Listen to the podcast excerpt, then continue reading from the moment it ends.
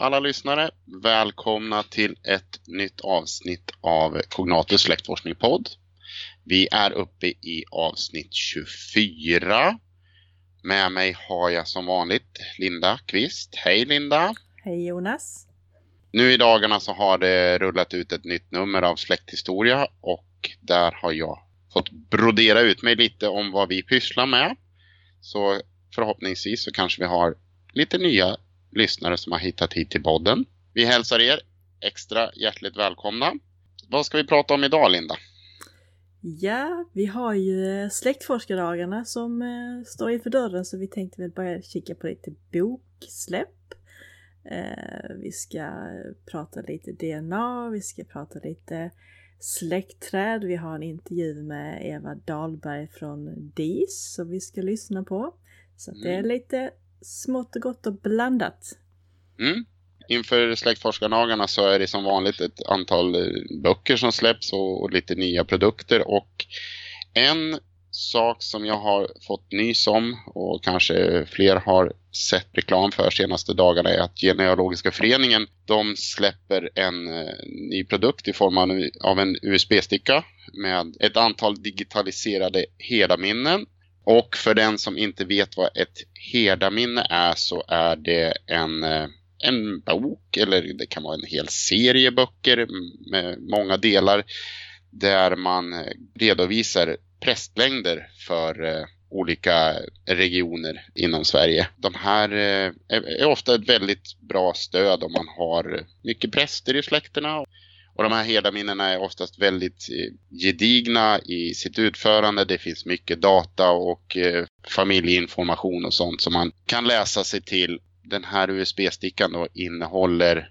ett antal av de äldre varianterna av det här och där upphovsrätten har gått ut. Jag har inte riktigt kläm på vilka det är exakt så det, det kanske vi kan få återkomma till i ett senare avsnitt så mycket vet jag i alla fall att om man besöker GFs monter i Borås på våning 3 så kan man vara med i en utlottning av eh, sådana här USB-minnen och kan vinna ett sådant och få plocka med sig hem och nyttja i sin släktforskning. Sen så kommer det även flera boksläpp. Bland annat så har förbundet hela fyra stycken nya böcker på gång. Till att börja med så är det en ny bok skriven av Eva Johansson som heter Kom igång med din släktforskning.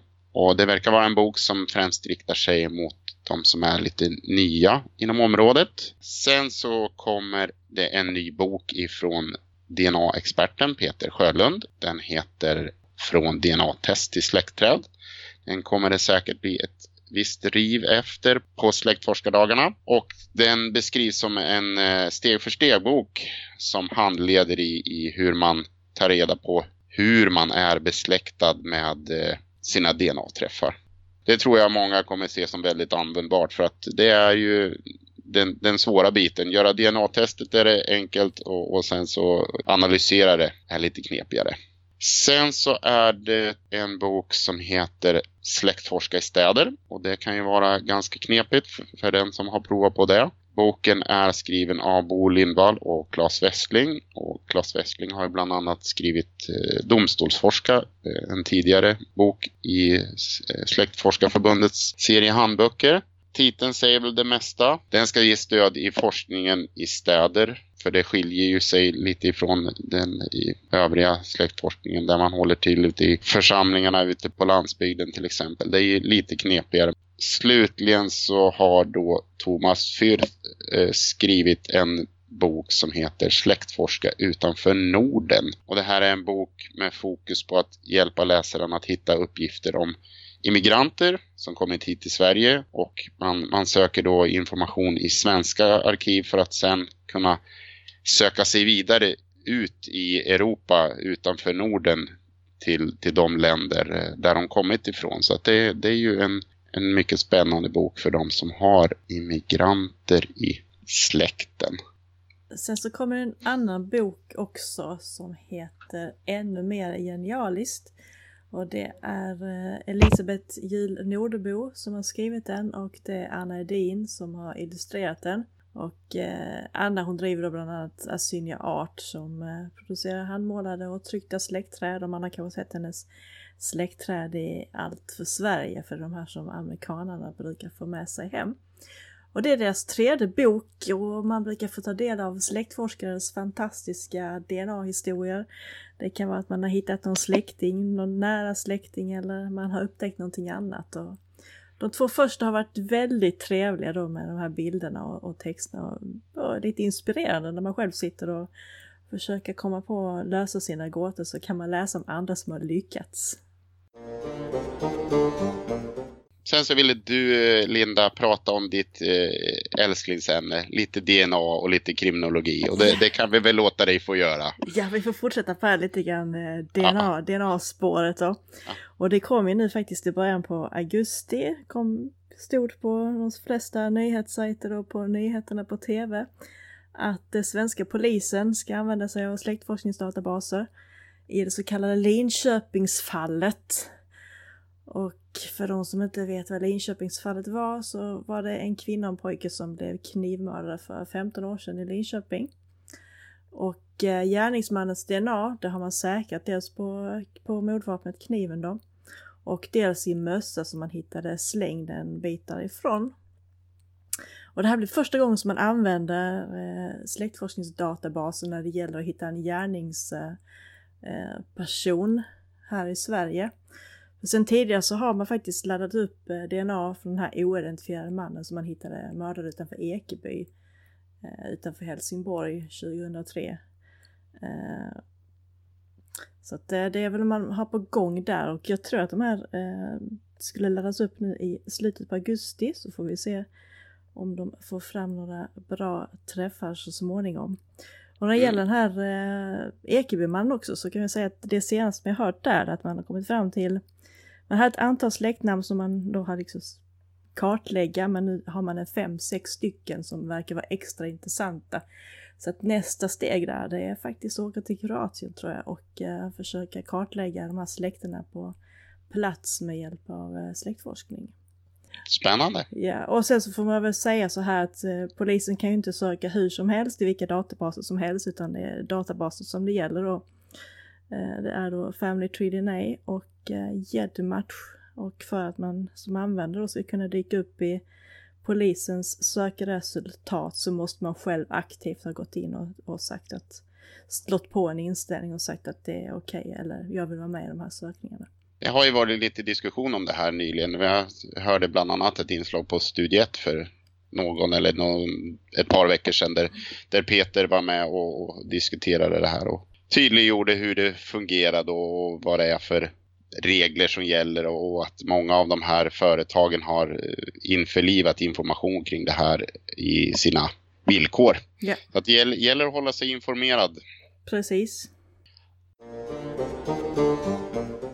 Ja, vad säger du? Ska vi, ska vi prata lite webbträd? Kan vi kalla det webbträd? Mm. Mm. Vet, vet man vad det handlar om då? Jo, eh, det är eh, webbtjänster där man publicerar sin släktforskning för att dela med sig till släkt och vänner och andra forskare och så här. Och eh, det finns ju ganska många sådana här. Mm. Eh, ofta, det dyker ofta upp eh, frågan i Facebookgrupper jag tänkt på att vilken är bäst? Vilken ska man välja?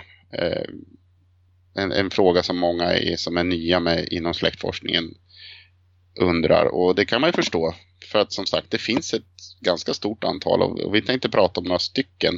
Eh, men eh, om vi börjar med dig Linda, vilka använder du? De två som jag använder mest i min egen forskning det är då MyHeritage och eh, Ancestry. Och de, där jag har laddat upp vissa delar av mitt träd. Mm. Men, men du, du prat, vi pratade lite om det här innan, men du lägger inte upp eh, fullständig information om, om de här personerna. Du anger inte alla källor och sånt där, utan du använder, använder det här mer, mer som ett litet fiskeredskap för att, för att hitta kopplingar och, och få upp förslag och sånt, eller? Precis, för det är ju det här som de här släktträden är bra på. Man lägger upp sitt träd och sen så eh, har de sina algoritmer och sina stora datamängder och sen sitter de liksom och, och eh, söker i, i databaserna automatiskt så får jag då en, en, upp en ledtråd att ja, men vi har det här dokumentet som kanske kan vara din släkting eller vi har hittat det här trädet där det kanske är din släkting och så får man de här tipsen och så kan man gå in och se att kan det här stämma? Ja, perfekt. Då kan jag koppla in det i mitt träd och hitta jag något annat. Ja, men titta här har vi ju en annan som, släkt, som släktforskar på samma släkt som jag. Vad kul! Då kan vi kanske samarbeta. Så det, är mm. liksom, det är det jag använder till. Dels att få lite nya uppgifter och sen få fiska och se vilka andra som forskar på, på min släkt mm. och försöka få upp något samarbete där. Mm. Eh, vilken av de här två, MyHeritage och Ancestry, tycker du är bäst? Ja, det beror på vad man ska ha dem till. Eh, Ancestry använder jag ju väldigt mycket till eh, emigrantforskning. Jag tycker de har jättebra eh, USA-arkiv och folkräkningar och militära, olika militära arkiv och sånt. Mm. Så att de använder mycket där. Eh, MyHeritage har jag haft stor nytta av när jag har forskat på eh, Estland har jag för mig har jag fått något bra, några bra grejer därifrån. Så det är lite olika. Mm. Men, men, när du säger Ancestry, är det deras inskannade och digitaliserade material eller har du också haft, haft användning av själva trädfunktionen hittat eh, kopplingar till, till andra användare och sånt där? Ja, det har jag gjort på, på Ancestry och det har jag gjort på MyHeritage också, hittat, eh, hittat kopplingar. Men sen är det, de har ju alltså alla indexerade register är ju, är ju jättebra. Det är ju mycket mm. bättre när man liksom kan söka när man ska sitta och, och bläddra. Mm. Det, blir, det blir en stor hjälp, det går lite snabbare. Sen mm. får man ju tänka på att en Bengtsson som reser till USA, det är rätt svårt att söka på Bengtsson i amerikanska arkiv för de, det kan vara väldigt många olika stavningar så man får ha rätt så mycket fantasi också. Man kan inte bara söka på Bengtsson utan man får söka på Benson och Bentsson och Bengtsson och alla möjliga olika stavningar för att hitta rätt. Så att eh, man får ha lite fantasi också och inte bara säga att nej det där funkar inte och så finns det kanske många olika sätt att, till att ja. söka på. Ja, det är en konst att söka i databaser. Vad ser du för problem med, med sådana här? Eh, för att det, det, finns ju många som är kritiska, eller många ska vi inte säga. Det finns en del som är kritiska till att använda de här större släktträden eller webbträden. Lite beroende på att det florerar vad kallar man det, genealogiskt ogräs. Ja, eh, precis. Ja, här, konstiga uppgifter. Precis, det är nästan att stoppa in huvudet i ett getingbo när man, när man diskuterar mm. de olika sakerna. Men det är ju så, när man får en, en sån här träff eller, eller eh, ledtråd så får man ju fundera på, kan det här vara rimligt? Och sen får man, mm. ofta så finns det ju en, en länk till originalkällan eller original, originaldokumentet. Då får man plocka upp och titta på det. Eller så man går in i originalböckerna och kollar liksom, stämmer det här? Mm. Och så får man liksom bestämma sig, ja men det här stämde och sen kanske inte bara för att den säger att åh, nu har vi hittat 15 stycken nya släktingar till dig. Om du bara kopplar in den här och man mm. gör det utan att titta så noga för då helt plötsligt kan man få in massa, massa ja, ogräs i trädet. Så det, du gör inga sådana här automatiska ihopkopplingar och sånt utan du, du tittar på, på eventuella data som är nya för dig och sen så säkerställer du ja, på egen hand. Precis, jag kan ju se att oh, här är 15 stycken ner, men då får jag kolla mm. upp det och se liksom mm. om det här verkligen är, kan stämma, att, de är, att det är rätt linje och att det är rätt personer. Så att, men det är jättebra, jättebra tips. Eh, och sen eh, vissa saker ser man att de är helt orimliga. Ja, men Mm. Och trycker man bort det så bryr man sig inte så mycket mer om det utan det var liksom Det blir lite bra program på hur bra information man har tryckt in själv också. Jag har bara skrivit in Anna Andersdotter född 1880. Det är klart då får jag hur mycket saker på det som helst eftersom Anna Andersdotter var ett väldigt vanligt namn i Sverige. Kanske 1880. Mm. Eh, men skrev jag kanske in datum när hon är född och på vilken plats hon är född då drar jag ju själv ner antalet eh, träffar som jag kan få. Eller jag har liksom specificerat det. Lägger in ett dödsdatum, ja då kanske jag sorterar bort ytterligare eh, onödiga träffar som jag, inte, som jag inte vill ha. Så systemet kan ju aldrig vara smartare än informationen som den får ta del av. Så är det. Det finns ju det klassiska uttrycket skit in, skit ut. Precis. När du söker kontakt med, med folk som du har gemensamma eh, kopplingar med. Eh, hur, hur brukar, brukar det funka bra? Få, är, det, är det lätt att få kontakt? Svarar folk? Ja, det är väl sådär. Eh, Ibland så hör man ingenting och ibland så kan det kanske ta flera år innan de har sett det. Men jag tror det är lite så, eh, beroende på hur de använder systemet också. För vissa har ju, eh, där kan man ju köpa till ett, ett system som man har på datorn, eller ett släktforskningsprogram man har på datorn. Och sitter man bara och jobbar det hela tiden och man aldrig är ute i databasen på, på hemsidan så är det inte säkert, då tror inte jag att man alltid ser att man har fått ett meddelande. Eh, eller så har man kanske fått en notifiering som har hamnat i, sin, i skräpposten i sin vanliga mail och så har man inte varit inne och kollat där. Eh, det jag brukar göra, ofta så hittar jag, ibland hittar man ju rätt så mycket bilder på släktingar. Och då för istället för att skicka ett meddelande till dem så brukar man kan skriva kommentarer också. Kan jag skriva en kommentar, vad kul att du har delat med dig av den här bilden, jättefint eller någonting. Då blir de oftast glada för det brukar de se och så kan man se om det är andra som har skrivit också. Och mm. man ser ju om någon har plockat hem den här bilden så kan man ju se att det är fem andra som har den här bilden också. Då kan man tänka, ja men de kanske har fler bilder eller de här också är intresserade av den här bilden så att vi är kanske släkt på något sätt. Bra mm. tips. Och sen så är det också ungefär som när man skickar, eh, försöker få kontakt med DNA, eh, träffar som man har så brukar jag ibland försöka skriva, eller jag brukar tipsa om att eh, när du skriver så är det ibland så att folk inte har tid att svara eller de är kanske inte så intresserade. Man kan skriva så här att även om du inte har tid att svara utförligt just nu så kan du väl bara skicka ett mail och säga att du har fått mitt meddelande så jag vet. Och så kan de liksom sen höra av sig med mer information sen. För skriver man bara sånt kort att du kan bara höra av dig och ha verifierat och fått det så, så tror jag att då svarar folk nog oftast. Annars så tänker man att nu måste jag skriva ett jättelångt svar, nu måste jag plocka fram all forskning jag har och skicka iväg det och då blir det kanske aldrig gjort. Smart! Mm jag har ju använt en, en eh, HTML-export ifrån eh, DCN så att jag har ju bara skapat upp eh, webbsidor som jag har lagt på min egen eh, server. Så att jag har ju inte sådana här smarta funktioner. Men jag har ju, i och med att ibland när man söker bara på ett personnamn, när man håller på att forska kring en, en, en släkt eller en viss person. En sajt som oftast dyker upp högt upp i träffresultatet är ju genie.com. Där har jag provat att ta kontakt med eh, folk och jag har väl fått viss kontakt men där har jag ju råkat ut för en, en lite, jag måste väl säga att det är en lite konstig grej för att eh, även i, hos Gini kan man koppla ihop släktskap.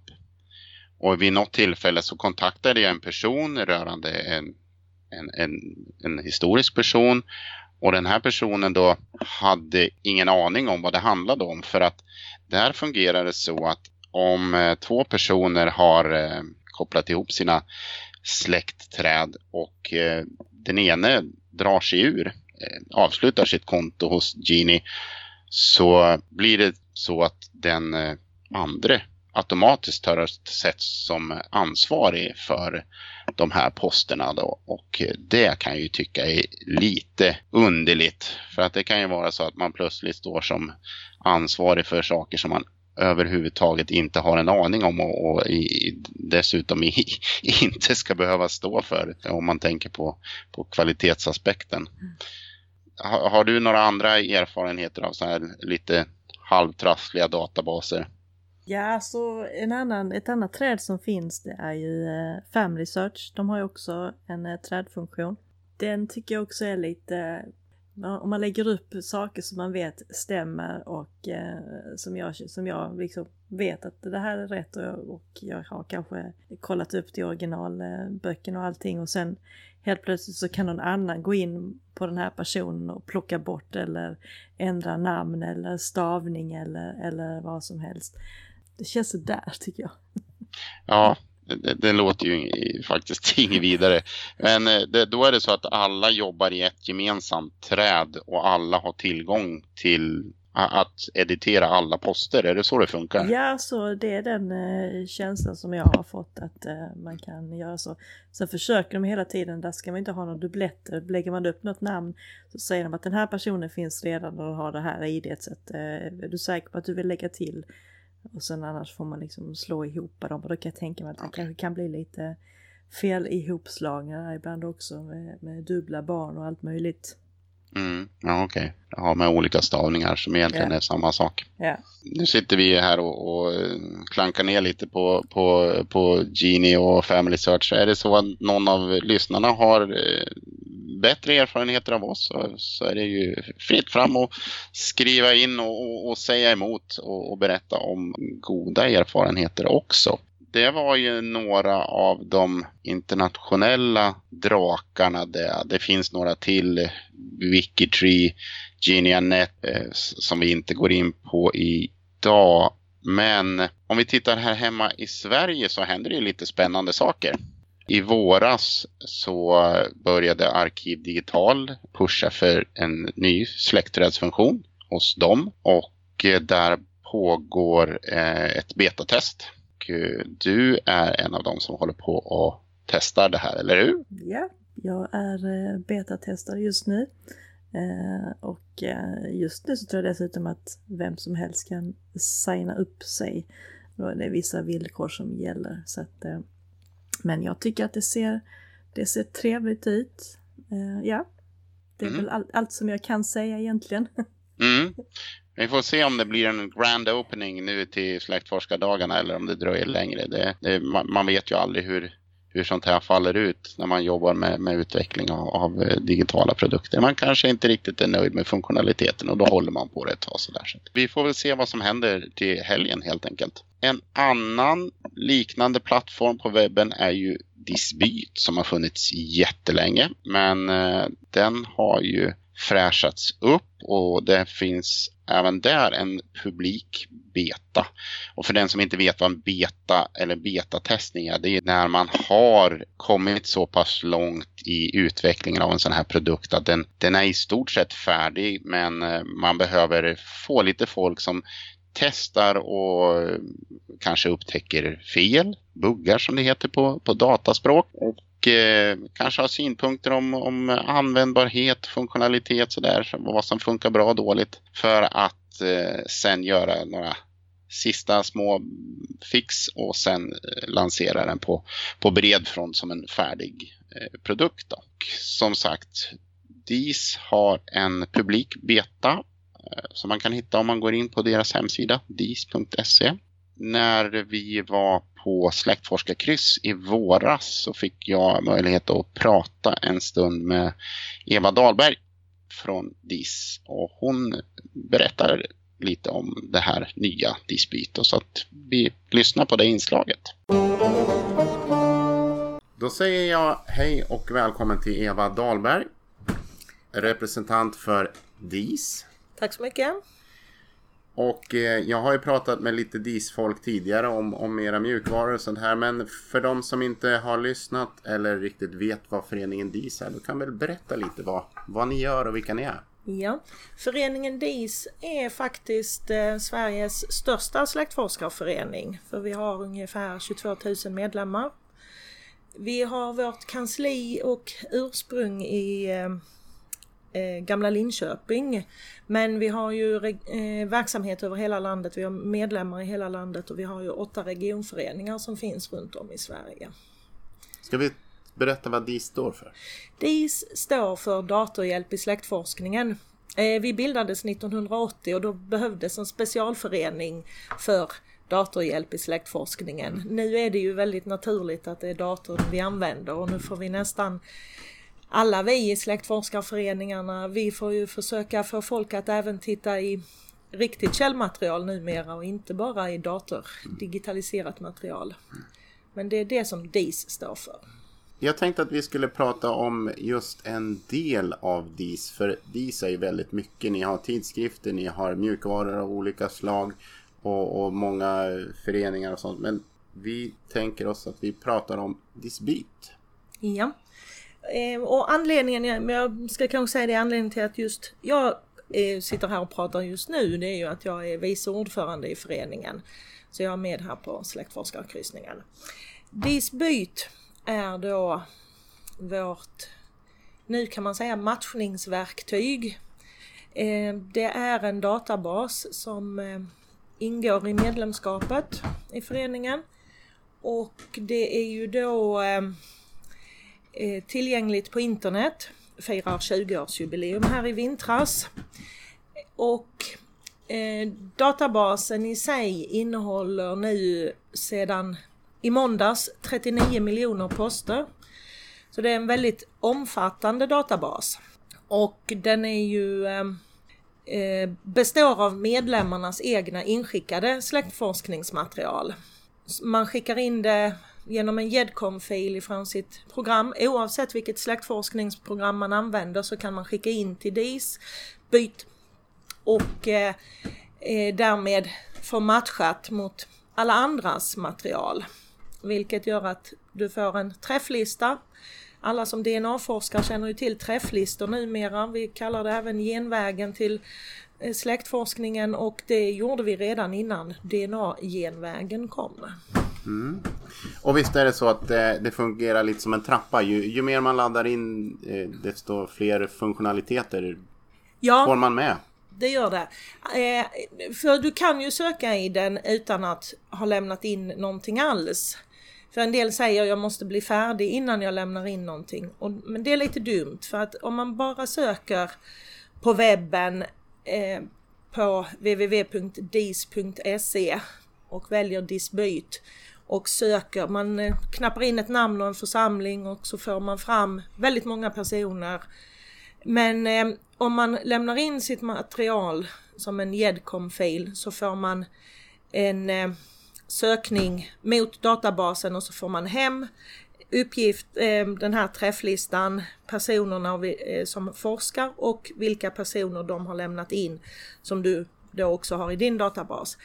Och lämnar du in mer än 200 personer så får du se mer uppgifter.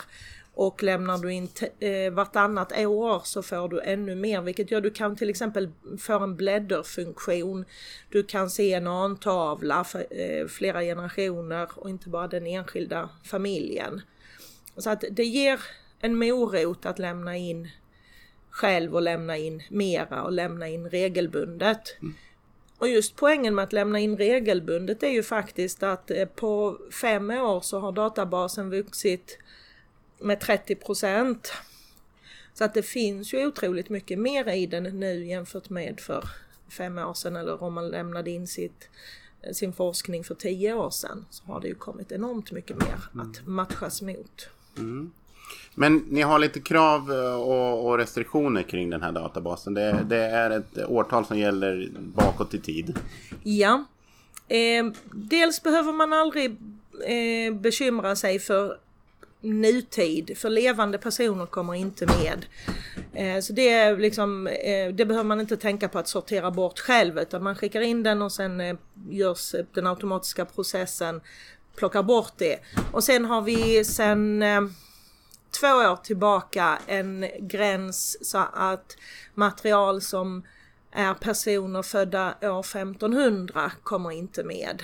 Mm. Och det är bland annat för en kvalitetssäkring av databasen där det medeltida materialet är mycket svårare att forska i. Det finns mycket mer lite dubiösa källor som återanvänds och då eh, vi kan ju inte granska kvaliteten i det som lämnas in. Men genom att ta den eh, gränsen år 1500 så kommer mycket av det osäkra materialet att rensas bort. Det rensas ju aldrig ur en persons egen personliga databas. Men eh, det kommer inte med i matchningar och på internet.